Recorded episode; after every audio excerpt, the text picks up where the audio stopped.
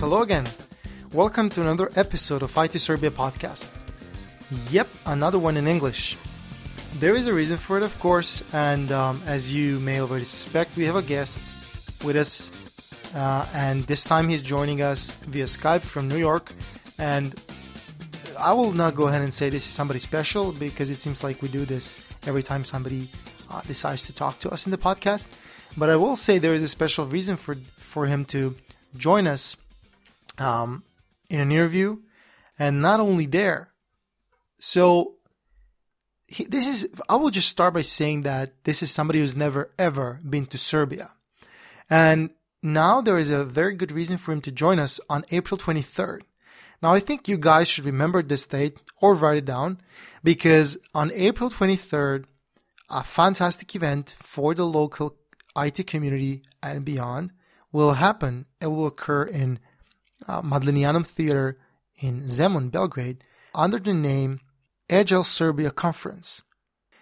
The organizer, Puzzle Software, basically made it possible for a lot of people to listen to some very much renowned names in the industry. Uh, we are talking about, um, you know, authorities uh, from the agile and startup world. Um, it's it's a part of something called the Agile Month. So April is Agile Month. I'm sure you guys can Google it and um, learn all, all kinds of information, such as, for example, the speaker lineup and what you can expect on on April 23rd and and after April 23rd. So, th- th- as I said, there there's a lot of very very interesting knowledgeable knowledgeable people who will be at the conference. But I will also say that we had the opportunity and pleasure to interview none other than the keynote speaker, Mr. Jurgen Appelo.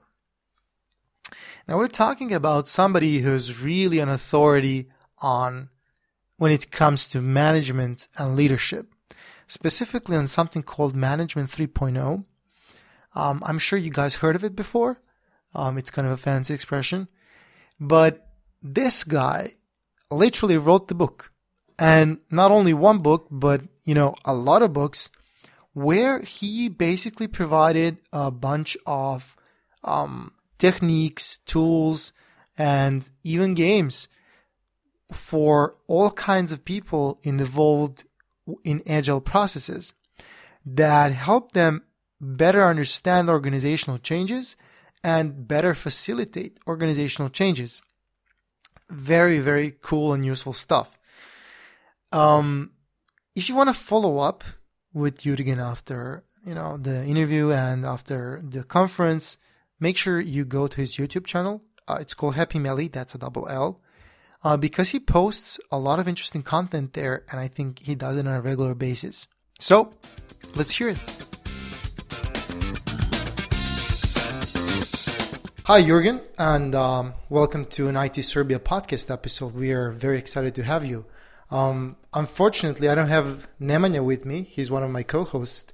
Um, he's a very much a go-to agile person when it comes to um, a lot of people around us, and uh, he will be thrilled to talk to you. But unfortunately, he's currently in the Agilia conference. I think that's how you pronounce it. Um, so I'll just ask you a couple of questions to get the IT people here in Serbia acquainted with you and uh, um, to wish you a happy staying in, in Belgrade. All right, thank you. It's great to be uh, be here. So, can you briefly tell us the reason for your visit to Serbia? Uh, yes, sure. It's uh, well, I travel a lot uh, to companies and conferences around the world to talk about my favorite topics, which is uh, changing the way we manage organizations. And uh, fortunately, I got an invitation to come to Serbia, to Belgrade, uh, which is awesome because I've never been there before. It is one of the few countries in Europe where I have not uh, set foot until uh, very soon. So I look very much forward to that. Well, we are looking forward to having you actually. And uh, really, first time in Belgrade? You're it is the first time. I've been uh, to a couple of other countries in the neighborhood, uh, but uh, there are just a few countries left, and uh, Serbia is one of them. So I'll be happy to tick it off my list. Perfect. So um, you often talk about the importance of employees' engagement uh, for a higher level of productivity in companies, and I'm sure that's that's on the top of the list for a lot of managers. Um, but a lack of employees' engagement uh, seems to be a big problem in many organizations. What do you think is is the primary reason for that? I think the primary reason is that uh, organizations are uh, managed like machines and not like uh, communities or cities. Uh, nobody wonders uh, whether people are motivated in living in a city like I am now in New York, which is an awesome place to be. Um, I always love going to New York or San Francisco or other cool cities. Uh, nobody is trying to motivate people in New York, they, they motivate themselves. Uh, that's because communities and cities are not managed like machines. And um, I believe we need something similar in, in organizations. We have to get rid of giving people instructions and telling them what to do and showing up on time and filling out forms for whatever. Um, there's a lot of uh, reliance we can have on, on people's self organization, on their self motivation. Um, and we have to turn from managing people to managing the system. Uh, and uh, if we do that, if we manage the environment in which people live, in which people try to do a good job, then they can take care of their own motivation, I'm quite sure. Sounds like it's not going to be easy to get there, but it really does sound like future. It is uh, well, and it, and it is similar to the, the, the, the developments that we have seen in the software uh, world, where we now have lots of platforms such as uh, Uber, Airbnb, uh, Facebook, Twitter, you name it. Uh, they are businesses that, that manage the system, not the people who are who are using those systems and being productive uh, there. So the environments have to be taken care of. So basically. Um in order to achieve that, we actually need strong leaders. And um, if, if I'm correct, you believe in leading and not in managing people, and uh, you believe in roles as opposed to job titles. Can you elaborate on that a bit? Well, I, I see them as different things. Um, like if we take, for example, the exa- uh, uh, Airbnb, um, I rent out my apartment uh, through Airbnb, and um, uh, uh, I am a leader in a sense that my apartment is always booked uh, and um, uh, I, I, I, try to draw attention on Airbnb with nice pictures and, and everything, and I make sure that everything is clean and whatever.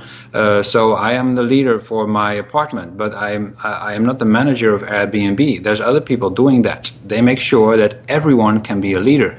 It is the same on Twitter. Um, I have a good number of followers on Twitter, so by definition, that makes me a leader on Twitter. You are a leader when you have followers. Um, but I'm not managing Twitter, that is somebody else's job. So those are two different things, and I believe in organizations we should achieve the same. There are a number of people who have to manage the organization, uh, like what is allowed, what is not allowed. Um, uh, what does the office look like and, and what is the purpose of the organization but then anyone should be able to become a leader and, and get a following and introduce ideas and start projects and, and, and, and innovate with products and services etc so the the idea, which is a bit old-fashioned, I think, that managers have to be turned into leaders, I would like to split that. I think managers uh, uh, have, still have an important job, but probably we need fewer managers who have to do a better job managing the environment and stop managing the people because the, the people can do a lot of things themselves and they can lead and, and, and, and, and follow each other. And they just have to do that in an environment where people can be trusted and, and, and where things are transparent and where and where it's possible to be be happy and, and motivated. So you're a leader if you have followers. I think I might even quote that um, somewhere. I will make sure to write down your name. Well, it's and the silly, silly thing is, a lot of top managers nowadays call themselves leaders, but it is total nonsense because nobody is following them. Nobody has any faith or, or, or, or, belief in them. So why do they call themselves leaders? It makes no sense. Couldn't agree more. Um, So let's say, for example, we focus on a team and not not the entire organization because a team is is is a community on its own. So how important are roles for a team? Um, do you think um, cross functionality in teams can maybe contribute to learning processes and basically boost the team long uh, in the long run? Um, could you repeat the first part of the question because you sort of dropped out yeah, in the beginning? That's that's that's that, what happens with Skype. Um, so I was I was trying to focus on a team. Um, and and regard a team um, uh, instead of the entire organization. So how do you how important do you think are roles within a team? Um, because you know you, you, people tend to uh, comprise teams with with complementary roles, and um, how, do you think that cross cross functionality in teams with various roles can actually contribute to learning processes? Can people learn from each other um, when when possessing different roles within a team? Um, I think roles uh, do play uh, play a role. Interestingly enough, in in organizational design. Um, uh, you don't need roles when you just have uh, five people working together. You just know that Andy is doing this and, and, and Susan is doing that, and and why bother with with titles and roles? Uh, but uh, when an organization gets bigger, it is uh, difficult to know people by name. Certainly not after 150 people. Uh, it is impossible for the human mind to to to uh, keep knowing everyone personally. And it is it is important to have directories and, and pages that explain for this kind of work you need to be that go to that person, and that is why we have job titles and roles in many organizations. Um, now, I believe that we can do without formal job titles as prescribed by by HR departments that are printed on contracts and business cards there are plenty of uh, organizations, even a couple of big ones, uh, such as uh, Pixar animation studios in, in, in, in Hollywood, uh, where they don't have any job titles. Uh, they can they can apparently function without formal hierarchical structures of job titles, but they do have roles. If you look at the movies that that Pixar has created, and you, you check uh, the Internet Movie database, you see plenty of role descriptions of who did what uh, for which movie. So um, that is my definition of roles as well in, in organizations. Sometimes you need to know what kind of work is being done by which person because uh, you know you need a system administrator, uh, that is a role description, you just know which person it is. So you need some kind of mechanism finding out so to ask that person to help you with the, your computer or the network. So roles definitely do have uh, have a place. Job titles, um, I think we can do without, at least in the traditional sense. Call yourself whatever you want, as far as I'm concerned. Um, once again, couldn't agree more. Um, thank you. Um, so we mentioned uh, that the people are not motivated enough. Uh, by the organization, by the community, but they're motivated them, them they motivate themselves. So, what do you think are the right conditions for actually having people to motivated and engaged uh, in in teams that are agile, that are working in a in a, in a company that ha- that is agile in culture. Well, that depends a little bit on the the the what the organization is trying to do. So, for example, um, if you have a, a research institute, then uh, then apparently you have an organization that is probably not motivated by by uh, money and shareholder value. It is it is it is trying to pursue um, uh, discovery and and and invention and and making the world a better place. And this will motivate the people who work there. Uh, researchers are typically not people who are paid as much as uh, bankers um, but they are motivated because they they they trying to save people's lives, perhaps in, in, in finding a cure to a disease, for example, and this is highly motivating for such people. Now, I believe we need the equivalent for other organizations, whether it is a software company or or a car company or whatever, doesn't matter. Um, you need to figure out what is it that that we're trying to do together? What is the purpose of the organization that translates to the motivation of the people working here? Because you cannot just keep on paying more and more uh, uh, money uh, salaries to to everyone because that's that stops at some point and then people stop being motivated by the money anyway beyond a certain point they need something else in their lives and uh, for my very small organization it is we try to help people be happier in their jobs for me that is very motivating when i find out that my practices have actually helped some people somewhere. I just got an email message five minutes before this this call, another confirmation of somewhere, somewhere on the planet, who applied some practices and they worked and they were very happy with that. Well, that makes me happy if I can help people a little bit uh, like that. So um, summarizing, the organization has a certain purpose, and that needs to translate to the motivation of the people working there. Uh, what it is, well, that depends on the business. So I've heard somewhere that millennials they they they don't care that much about money, but they need a cause. So it looks to me like you're talking about a cause, and uh, an organization needs to have a cause and if there's if that's a good cause people will be motivated not only the people within the organization but the people outside as well I agree. I, I, am skeptical about the term millennial because I believe this applies to everyone. It is simply the, uh, organ, uh, the society as a whole is evolving to a point where motivating people with money isn't working that well anymore um, because uh, we have discovered that other things are more fun and uh, and the new generations indeed perhaps uh, show this more strongly than earlier generations. Um, but uh, but yes, it is true. It is working towards a cause. I call that a purpose, but it's, it's the same thing as far as I'm concerned. Yeah, a purpose might be even something bigger. um, so there's this fancy thing called Management 3.0, um, and it's a relatively new thing. Um, can you tell us something more about it and what, what is actually the key advantage of, of the change it aims to bring? Well, I discovered that many people and organizations struggle with old fashioned practices like uh, the job titles I do refer to, or uh, old fashioned bonus systems, or performance appraisals, or traditional recruitment processes, etc. And if you ask people to modernize their companies, to change their organizations, you have to tell them what else they need to do.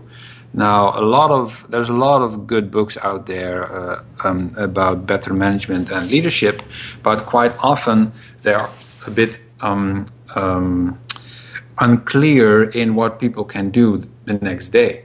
So there is talk of servant leadership, for example, which is all awesome. But then people wonder, how can I be a servant leader the next Monday morning? Uh, it is not concrete enough. So that is what I have attempted with Management 3.0 to give people concrete things to do and there are practices such as uh, moving motivators, delegation boards, kudo cards, merit money, improv dialogues, happiness doors, etc., etc. Uh, there are things that you can get started with next week. And uh, some practices will work for you, others will not. You will have to find out for yourself which of the practices make sense in your situation. And that is a fun thing to do. It is like running experiments. Uh, that is the most important thing that I believe people should be doing. Um, and but in order to run experiments, people need examples of what it is that they can can pick up. Uh, it's like a recipe book for for cooks. Uh, you cannot just people, tell people to be a better cook. They need to know how to be a better cook, and they need to follow some re- recipes so that they can learn how to adapt the recipes to their own kitchen and for their own guests.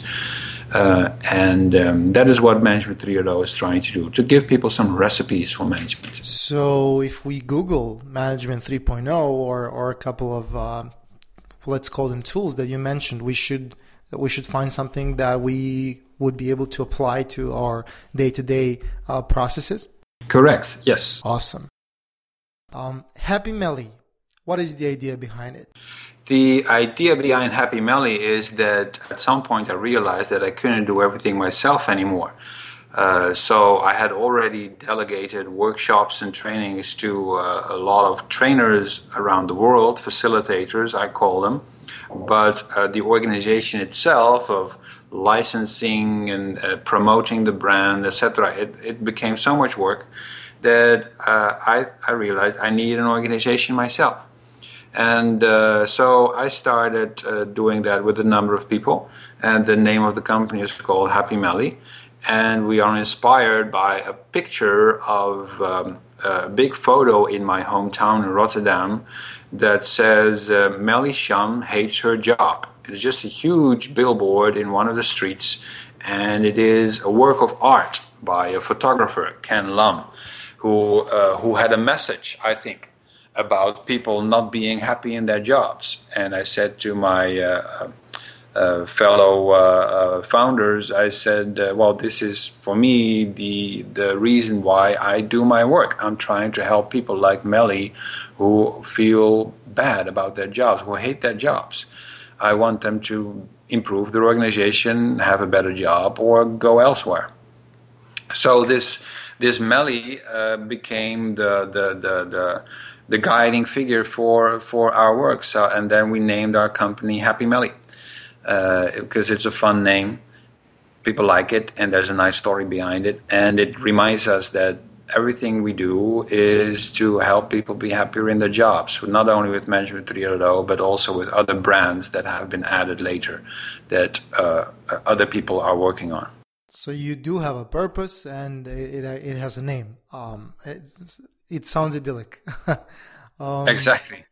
so, so finally, um, you are going to be joining us in Belgrade uh, on the Agile Serbia conference on April 23rd, um, and I know that that that it's a perfect place where agile and startup experts will discuss. While agile means survival for for a business or a startup.